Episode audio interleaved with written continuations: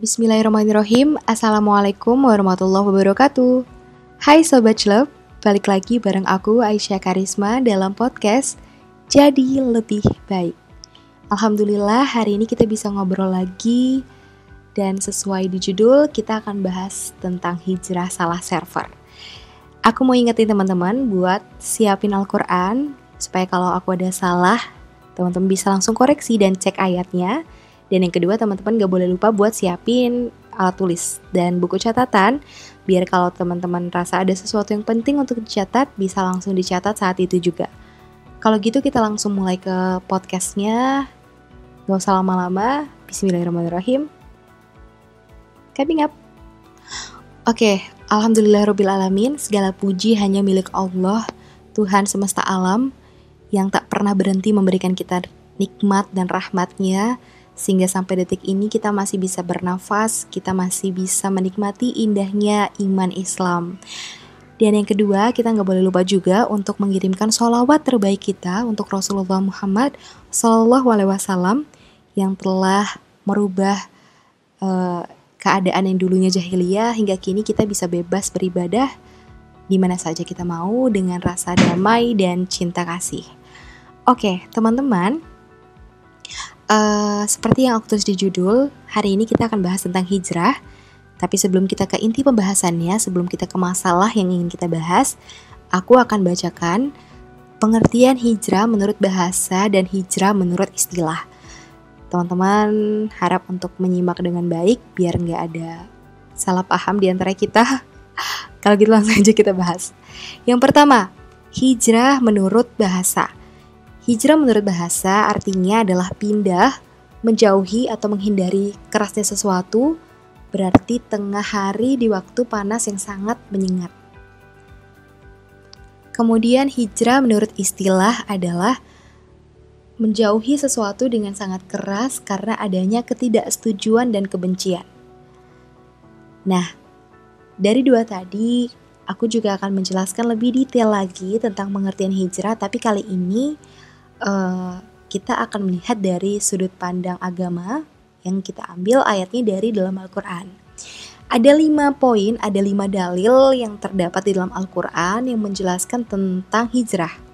Yang pertama adalah Quran Surah Maryam ayat 46. Ini Quran Surah ke-19 supaya teman-teman lebih mudah carinya. Arti dari surah ini adalah Bencikah kamu kepada Tuhan Tuhanku, wahai Ibrahim, jika kamu tidak berhenti, maka niscaya kamu akan kurajam dan tinggalkanlah aku buat waktu yang lama. Ini adalah dialog ya antara Ibrahim alaihissalam dengan ayahnya. Ketika Ibrahim meminta ayahnya untuk bertaubat dan menyembah Allah semata, Ibrahim meminta ayahnya untuk bertauhid dan meninggalkan semua berhala-berhala yang dia buat dengan tangannya sendiri. Lalu ayahnya marah dan bahkan mengha, uh, apa, mengancam Ibrahim untuk dirajam. Nah, keluarlah ayat ini. Ini adalah apa yang dikatakan oleh ayahnya Ibrahim kepada Ibrahim. Jika kamu kepada Tuhan Tuhanku, wahai Ibrahim, jika kamu tidak berhenti, maka niscaya kamu akan kurajam, dan tinggalkanlah aku buat waktu yang lama. Nah, ayahnya juga mengusir Ibrahim, makanya dalam kisah Nabi Ibrahim alaihissalam, Nabi Ibrahim tinggal di sebuah, bisa kita bilang gubuk kecil, dia tinggal sendiri karena diasingkan oleh ayahnya. Selanjutnya, pengertian hijrah yang kedua adalah meninggalkan sesuatu karena sesuatu itu kotor atau najis.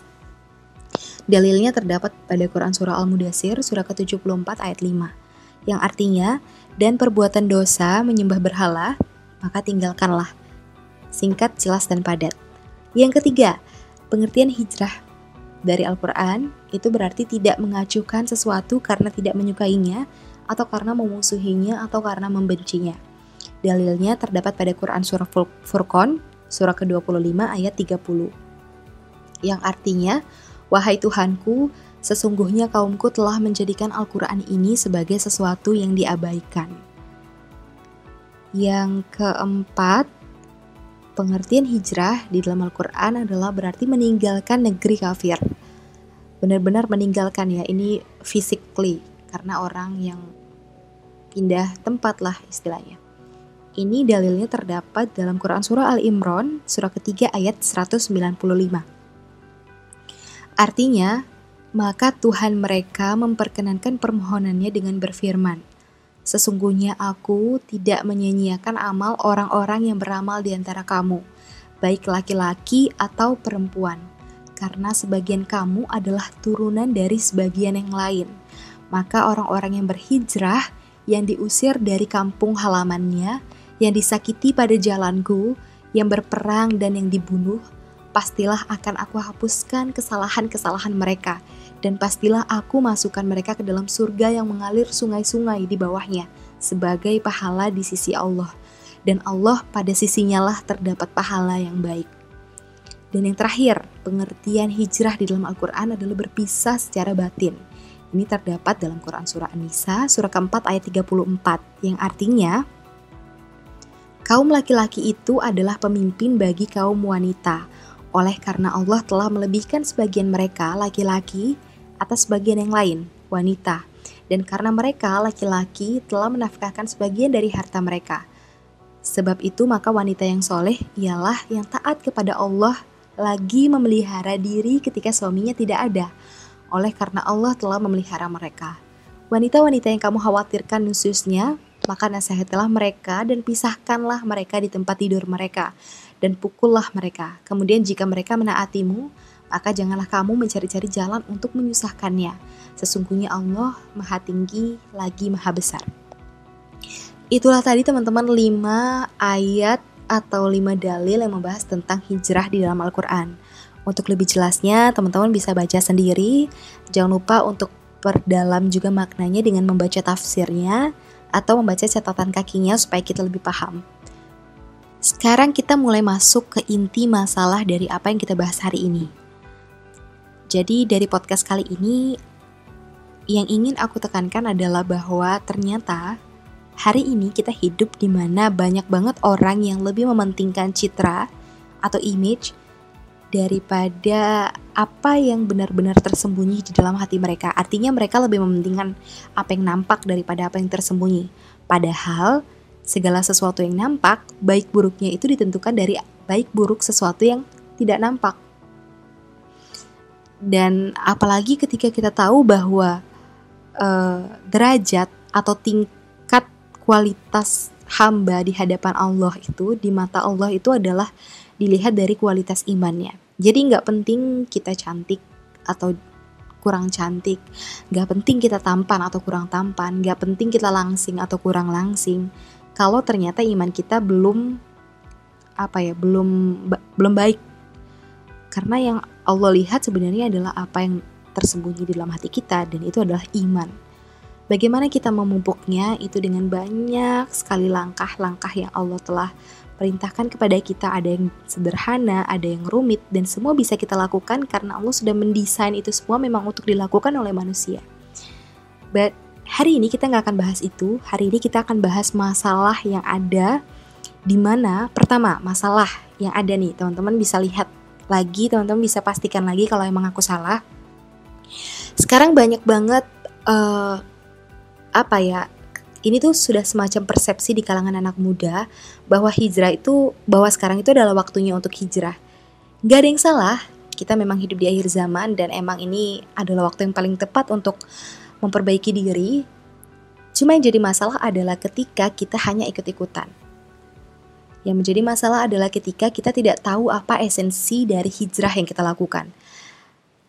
Kita hanya mengikuti si A bergamis, lalu kita bergamis. Kita melihat si A bercadar, lalu kita ikut bercadar. Tapi sebenarnya kita nggak tahu apa esensi dari yang kita lakukan itu. Sehingga suatu saat ketika ada sesuatu yang menggoyahkan iman kita, kita akan sangat mudah melepas cadar. Kita akan sangat mudah melepas hijab Bahkan kita sangat mudah melepas merubah penampilan kita yang tadinya bergamis malah jadi rok mini lagi. Itu akan sangat mudah kalau dasar atau fondasi dari apa yang kita lakukan itu belum kuat. Layaknya rumah teman-teman, gak mungkin rumah itu akan bertahan kokoh dalam waktu sekian lama kalau fondasinya tidak dipastikan kuat. Sama kayak proses hijrah kita, kita nggak mungkin bisa menghadapi tantangan, rintangan, hambatan yang akan kita hadapi di depan sana kalau hari ini kita nggak make sure iman kita ini udah benar-benar kita murnikan, niat kita ini udah benar-benar kita murnikan karena Allah. Dan aku mau to the point aja masalahnya apa. Jadi gini teman-teman, uh, di sosial media terutama banyak orang yang mengklaim dirinya sudah berhijrah. Aku hijrah, lalu aku merubah penampilan, uh, aku merubah jenis postingan apa yang aku up di sosial media aku. Oke, itu nggak salah. Itu sama sekali nggak salah, bahkan itu jatuhnya baik. Yang jadi masalahnya lagi adalah kalau kita melakukan itu bukan karena Allah. Tahu nggak teman-teman? Ketika kita melakukan sesuatu tidak karena Allah, apalagi ternyata alasannya karena manusia, sangat mudah teman-teman buat itu tuh semua ter apa ya itu tuh semua jadi kayak kebalik berubah 180 derajat dalam waktu 0, sekian detik. Itu sangat mudah. Dan takut dong kita kalau jadi orang yang masuk ke dalam kategori itu itu jatuhnya munafik loh teman-teman kita kan nggak mau jadi penghuni neraka yang kekal. Artinya kita nggak mau jadi orang munafik. Jadi bener-bener pastiin deh teman-teman kalau teman-teman udah ada niatan mau berubah teman-teman udah ada niatan mau jadi lebih baik niatnya karena apa? Kalau bukan karena Allah saran aku perbaiki niat dulu deh. Masalah kedua yang aku sering lihat adalah atau mungkin kalian juga sering melihatnya itu orang yang mengklaim diri sudah berhijrah dia menganggap dirinya sudah dalam proses menuju lebih baik, tapi dia masih dekat dengan sesuatu yang sebenarnya nggak ciri-ciri orang hijrah banget gitu. Contoh, dia sudah mulai merubah penampilan, oke, okay, it's better. Dia juga sudah mulai memperbaiki ibadahnya step by step. Tadinya dia nggak sholat subuh, sekarang mulai sholat subuh. Tadinya dia sholatnya bolong-bolong, sekarang alhamdulillah bolongnya dikit. Tapi dia masih lekat dengan yang namanya pacaran. Ini masalah dong, karena ya kalau kita mau hijrah, artinya kan kita berusaha meninggalkan apa yang Allah larang kan teman-teman. Tapi kalau kita klaim diri udah hijrah, ternyata kita masih dekat, apalagi kita masih melakukan yang namanya pacaran, ya so for what? Hijrah, hijrah apa yang kita maksud? Apa hijrah penampilan? Apa hijrah sosial media? hijrah makeup. Tadinya kita makeupan terus sekarang gak makeupan. Atau hijrah apa? Kalau misalnya niatnya di sekali lagi kalau misalnya niat kita di luar alasan karena Allah, please apa ya? Bersihkan dulu deh gitu biar biar kita tuh nggak jadi orang yang dulunya. Kebayang nggak teman-teman? Kalau kalian hari ini dinilai sebagai orang yang wah masya Allah ya dia udah jadi lebih baik sekarang. Masya Allah ya dia udah tutup auratnya. Wah masya Allah ya dia sholatnya tepat waktu. Setiap setiap saat dia nggak pernah lewatin waktu sholat. Terus setahun kemudian dua tahun kemudian tiga tahun kemudian pendapat orang yang sama terhadap kita berubah jadi loh kok dia sekarang kayak gini sih? Loh kok loh kok loh kok? Itu tuh pendapat orang yang seperti itu jadi tanda bahwa sebenarnya kita nggak berubah teman-teman. Nggak berubah jadi lebih baik. Bisa jadi kita nge-stuck atau malah jadi lebih buruk. Masalah yang ketiga ini juga mendasar banget tapi ini yang paling menentukan apakah hijrah kita itu benar-benar total atau tidak total yaitu tentang ibadah Hari ini Aisyah Karisma mengklaim dirinya sudah berhijrah, tapi ternyata ibadahnya nggak bertambah, baik itu kualitas atau kuantitas. Artinya Aisyah Karisma hanya di bibir saja, nggak ada realisasi sama sekali. Artinya kalian juga bisa mengatakan bahwa Aisyah Karisma omong doang. Dan teman-teman, kita nggak mau dianggap sebagai orang yang cuma omong doang. Kita nggak mau dianggap bahwa kita adalah munafik. Kita nggak mau dianggap sok suci. Semua itu kita nggak mau maka lakukan yang terbaik karena Allah teman-teman. Kalau teman-teman emang niatnya mau hijrah, teman-teman niatnya emang ingin jadi lebih baik, buang semua pikiran tentang pendapat orang, buang semua pikiran tentang likers, followers, subscribers, views, dan lain sebagainya. Sekarang teman-teman fokus, aku mau berubah karena Allah, karena aku nggak tahu kapan aku mati, dan apa yang akan aku bawa ketika aku dipanggil sama Allah. Itu udah sebenarnya udah cukup kuat menjadi pondasi kita dalam menuju proses kita menjadi lebih baik. Masalah yang selanjutnya, yang keempat atau kelima nih, adalah citra. Seperti yang di awal tadi aku bilang, hari ini masalah yang sering banget menggerogoti hati setiap individu adalah tentang citra. Di mana semua orang berlomba-lomba menciptakan image positif, menciptakan kesan bahwa dia adalah orang yang paling begini, paling begitu. Pokoknya apa pun itu, bagaimanapun dalamnya, yang penting luarnya aku kayak gini deh. Itu yang banyak terjadi hari ini. Sehingga apa? Postingannya bagus, omongannya bagus, penampilannya oke okay banget. Tapi ternyata ibadahnya low quality, low quantity, Lalu ketika sendiri dia mudah melakukan perbuatan dosa. Ketika sendiri bahkan dia hilang semangat untuk melakukan ibadah. Ketika sendiri dia turun gairah untuk dekat dengan Allah. Itu ciri-ciri orang yang ria. Jadi ketika dia di dilihat orang, wah aku dilihat nih, aduh sholat ah gitu. Atau ketika dia ngerasa di sekitarnya ada orang, aduh ngaji ah biar denger gitu, biar wah soleh banget ya tapi ketika sendiri boro-boro baca, megang Al-Quran aja enggak. Nauzubillah ya teman-teman, semoga kita bukan termasuk orang-orang yang demikian. But anyway, apa pun itu, apa pun niatanmu, apa pun alasanmu, apa pun motivasimu, yang namanya lebih baik itu butuh proses, butuh waktu, even tenaga. Tapi kan sayang ya, kalau kita udah buang-buang waktu, kita udah buang-buang tenaga, dan ternyata tujuan kita salah.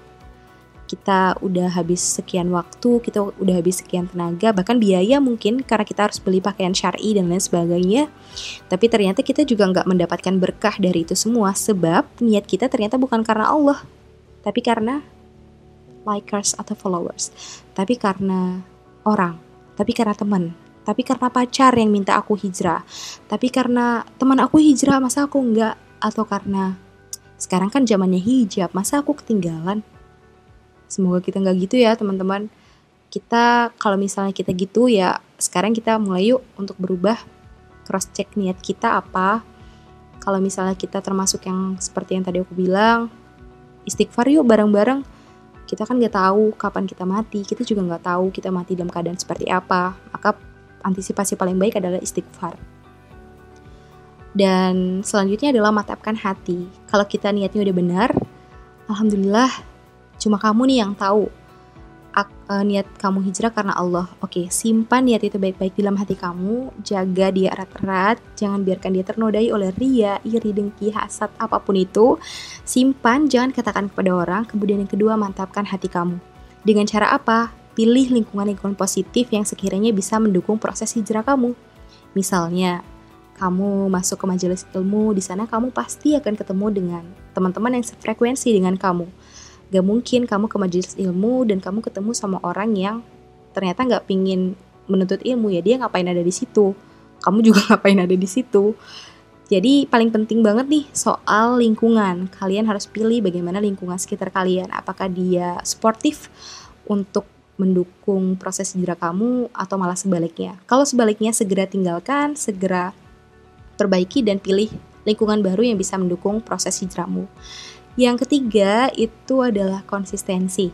Nah, kalau soal konsistensi, ini benar-benar sumbernya dari diri kamu. Ini masalah internal kamu.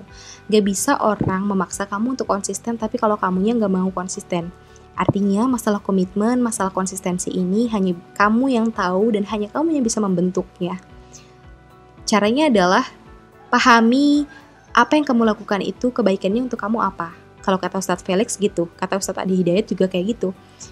Kalau kamu pingin semangat, kalau kamu pingin konsisten dalam melakukan suatu kebaikan, amal kebaikan, pelajari dulu kebaikan itu akan memberikan manfaat apa ke kamu. Misal, Aisyah Karisma, contohnya.